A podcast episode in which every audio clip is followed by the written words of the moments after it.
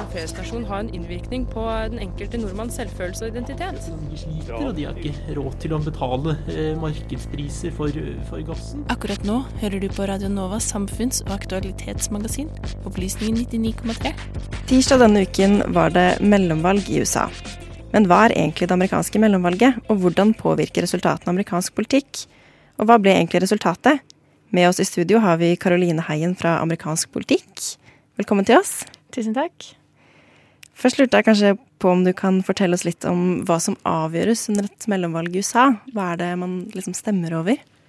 Um, det man uh, stemmer over i et mellomvalg, er um, kandidater til Kongressen. Så da er det hele Representantenes hus som står på gjenvalg. Og så er det en tredjedel av Senatet som blir valgt på nytt. Og det er på det føderale nivået. Så har du en rekke andre valg på delstatsnivå og um, lokale. Sånn sheriffer og guvernører og sånn. Så det er, ganske, det er veldig mye som velges under mellomvalg.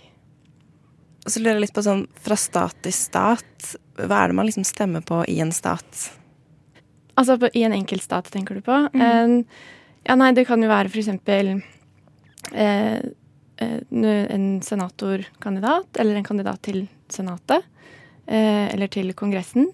Um, og så har du også um, i noen noe rundt Nei, litt husker jeg ikke helt tallet, men det har vært en god del guvernørvalg også i ulike stater. Ikke alle, men i en del av dem. Og da stemmer de jo på det. Uh, og så er det også en rekke sånn mindre saker som det kalles ballot measures uh, no, i noen stater, hvor du på en måte stemmer over en lovendring, da, eller forslag til lovendring. Så det har det vært veldig mange eksempler på også denne uka, eller som resultat av dette mellomvalget, da. Har du noen eksempler på de uh, forslagene? Ja, ja, den jeg kommer på med en gang, er fra, fra Florida, delstaten. der var et av Eh, lovendringene velgerne kunne stemme over, var å gi tilbake stemmeretten til eh, tidligere fanger som hadde sona en dom, og som ikke var voldelige og sånn. Det har de hittil ikke fått, da. Men det eh, gikk gjennom med ganske grei margin eh, den, i mellomvalget, da, eller denne uka. Så nå det betyr at ca. 1,5 millioner amerikanere i USA, nei, i Florida får stemme ved neste valg, da. Og så er det eh, ja, flere andre stater så har de utvidet velferdsordninger. Eh, og så er det andre steder så har de stemt å, å, over våpenregulering og strengere våpenregulering, sånne ting. Så i Washington tror jeg var det en, eh, en av de statene hvor det var på en måte på stemmeseddelen som, som velgerne kunne stemme over, og det gikk gjennom. Så ja, det er ganske mange forskjellige ting. da. Det er alt fra det store til det små. Jeg lurer litt på hva som er forskjellen på Senatet og Representantenes hus. For jeg skjønner jo at det er blant det du kan stemme over i det amerikanske mellomvalget. Representantenes hus og Senatet utgjør jo Kongressen i USA. Og det er jo da også den lovgivende makten, eller den lovgivende grenen, da.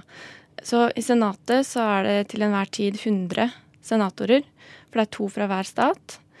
Eh, og i Representantenes hus så er det et representativt utvalg fra alle statene. Så der har de største statene som uh, Texas og California og Florida har veldig mange uh, nei, representanter i huset. Mens mindre stater som Montana sånn har ikke så mye. For det på en måte var et sånn Det er historisk sett en sånn kompromiss, da. Sånn helt tilbake til egentlig eh, når de bestemte hvordan USA skulle fungere som politisk system, så var det et kompromiss mellom store og små stater. Så den, det er jo like gjeldende i dag. Og så er det forskjell eh, i Senatet, så blir du valgt for seks år av gangen.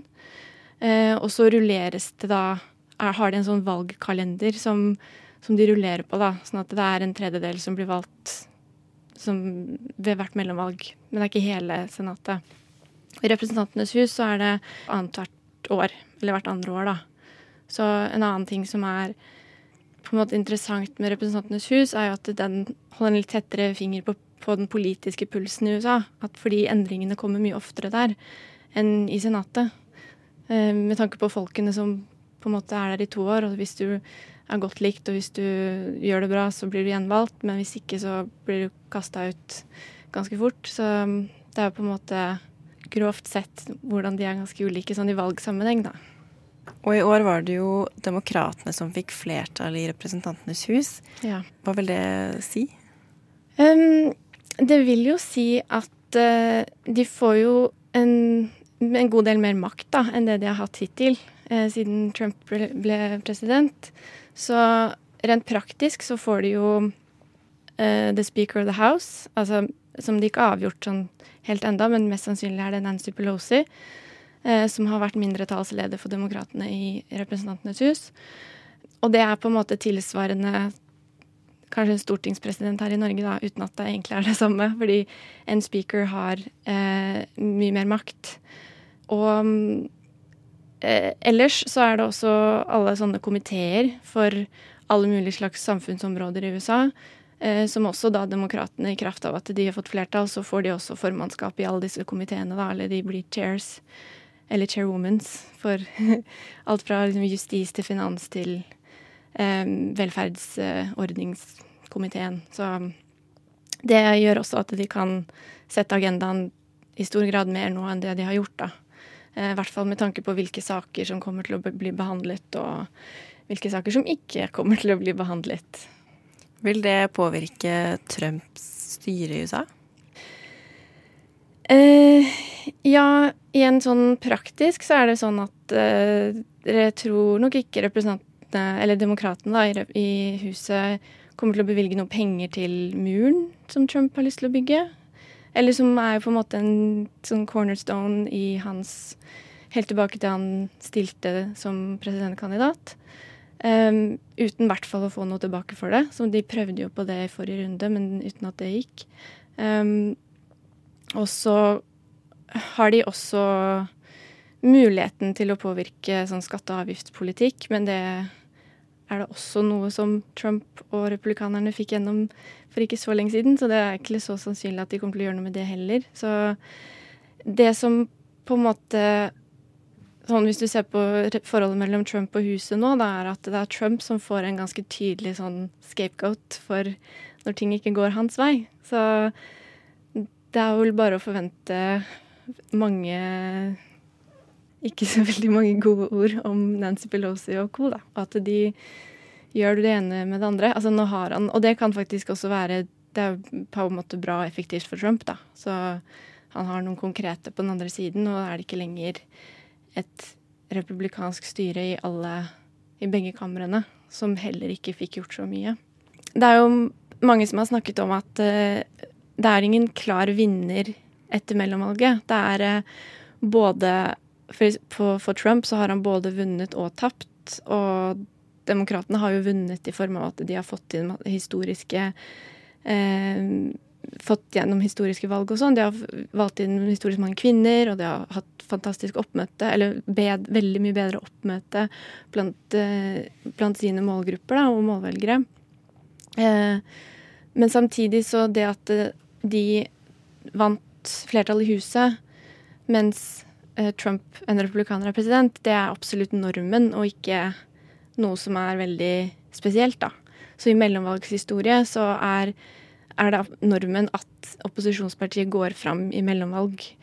Men det som ikke er like vanlig, er at uh, det sittende partiet, eller det partiet som har Det hvite hus, da, beholder og til og med leder eller får mer, får mer um, seter i Senatet. Så det er derfor man kan snakke om at Trump har både tapt fordi han har tapt kontroll over Representantenes hus, men han har også styrka seg i Senatet, da. Og det er, det er ikke så vanlig igjen. Så ja, man kan si mye om hva det har å si for den generelle um, oppfatningen av Trump, da. Det har vært mye snakk om at det mellomvalget her har vært veldig viktig. Eh, viktigere enn før. Eh, stemmer det? Eh, ja, jeg, jo, absolutt. For, eh, for de som ikke er noe særlig støttende til Trump, eller de som ikke enten liker politikken hans eller måten han oppfører seg på, eh, så har det absolutt vært mer enn et valg eh, som går på hvor mange seter vi får i huset og, og, i Senatet, og hvilke guvernører vi får, og og sånn. Det har også vært på en måte et litt mer sånn um, ja, Ikke filosofisk, men sånn litt overordna, sånn moralsk viktig å vinne fram da, og gi han noe, gi han noe motstand. Eh, sånn for um, ja, igjen før mellomvalget også, så snakka man at dette er en folkeavstemning om Trump, og, eller referendum on Trump. Og ut ifra den eh, historiske konteksten igjen, da, om at eh, demokratene har ikke gjort det kanskje så bra som veldig mange ønska. men samtidig så har de på en måte hatt en ganske stor oppoverbakke, da, for at republikanerne har ganske mange sånn strukturelle fordeler når det kommer til mellomvalg. Eh, og, eller generelt eh, kongressvalg. Så eh, jeg, er litt Det er litt egentlig for meg litt umulig å si ja eller nei, for at du vet jo at Eller du ser jo veldig lett at, at USA Forskjellene der, eller de polariseringen, blir nesten sterkere og sterkere. selv om det fins glipper der hvor det kanskje ikke er så ille som man skulle tro, da, men så bidrar kanskje ikke Trump til å ville forene, da. Og det tror jeg har en ganske stor eh, effekt. Da vil jeg bare si tusen takk til deg, Caroline Hein, for at du kom til oss i dag. Tusen takk.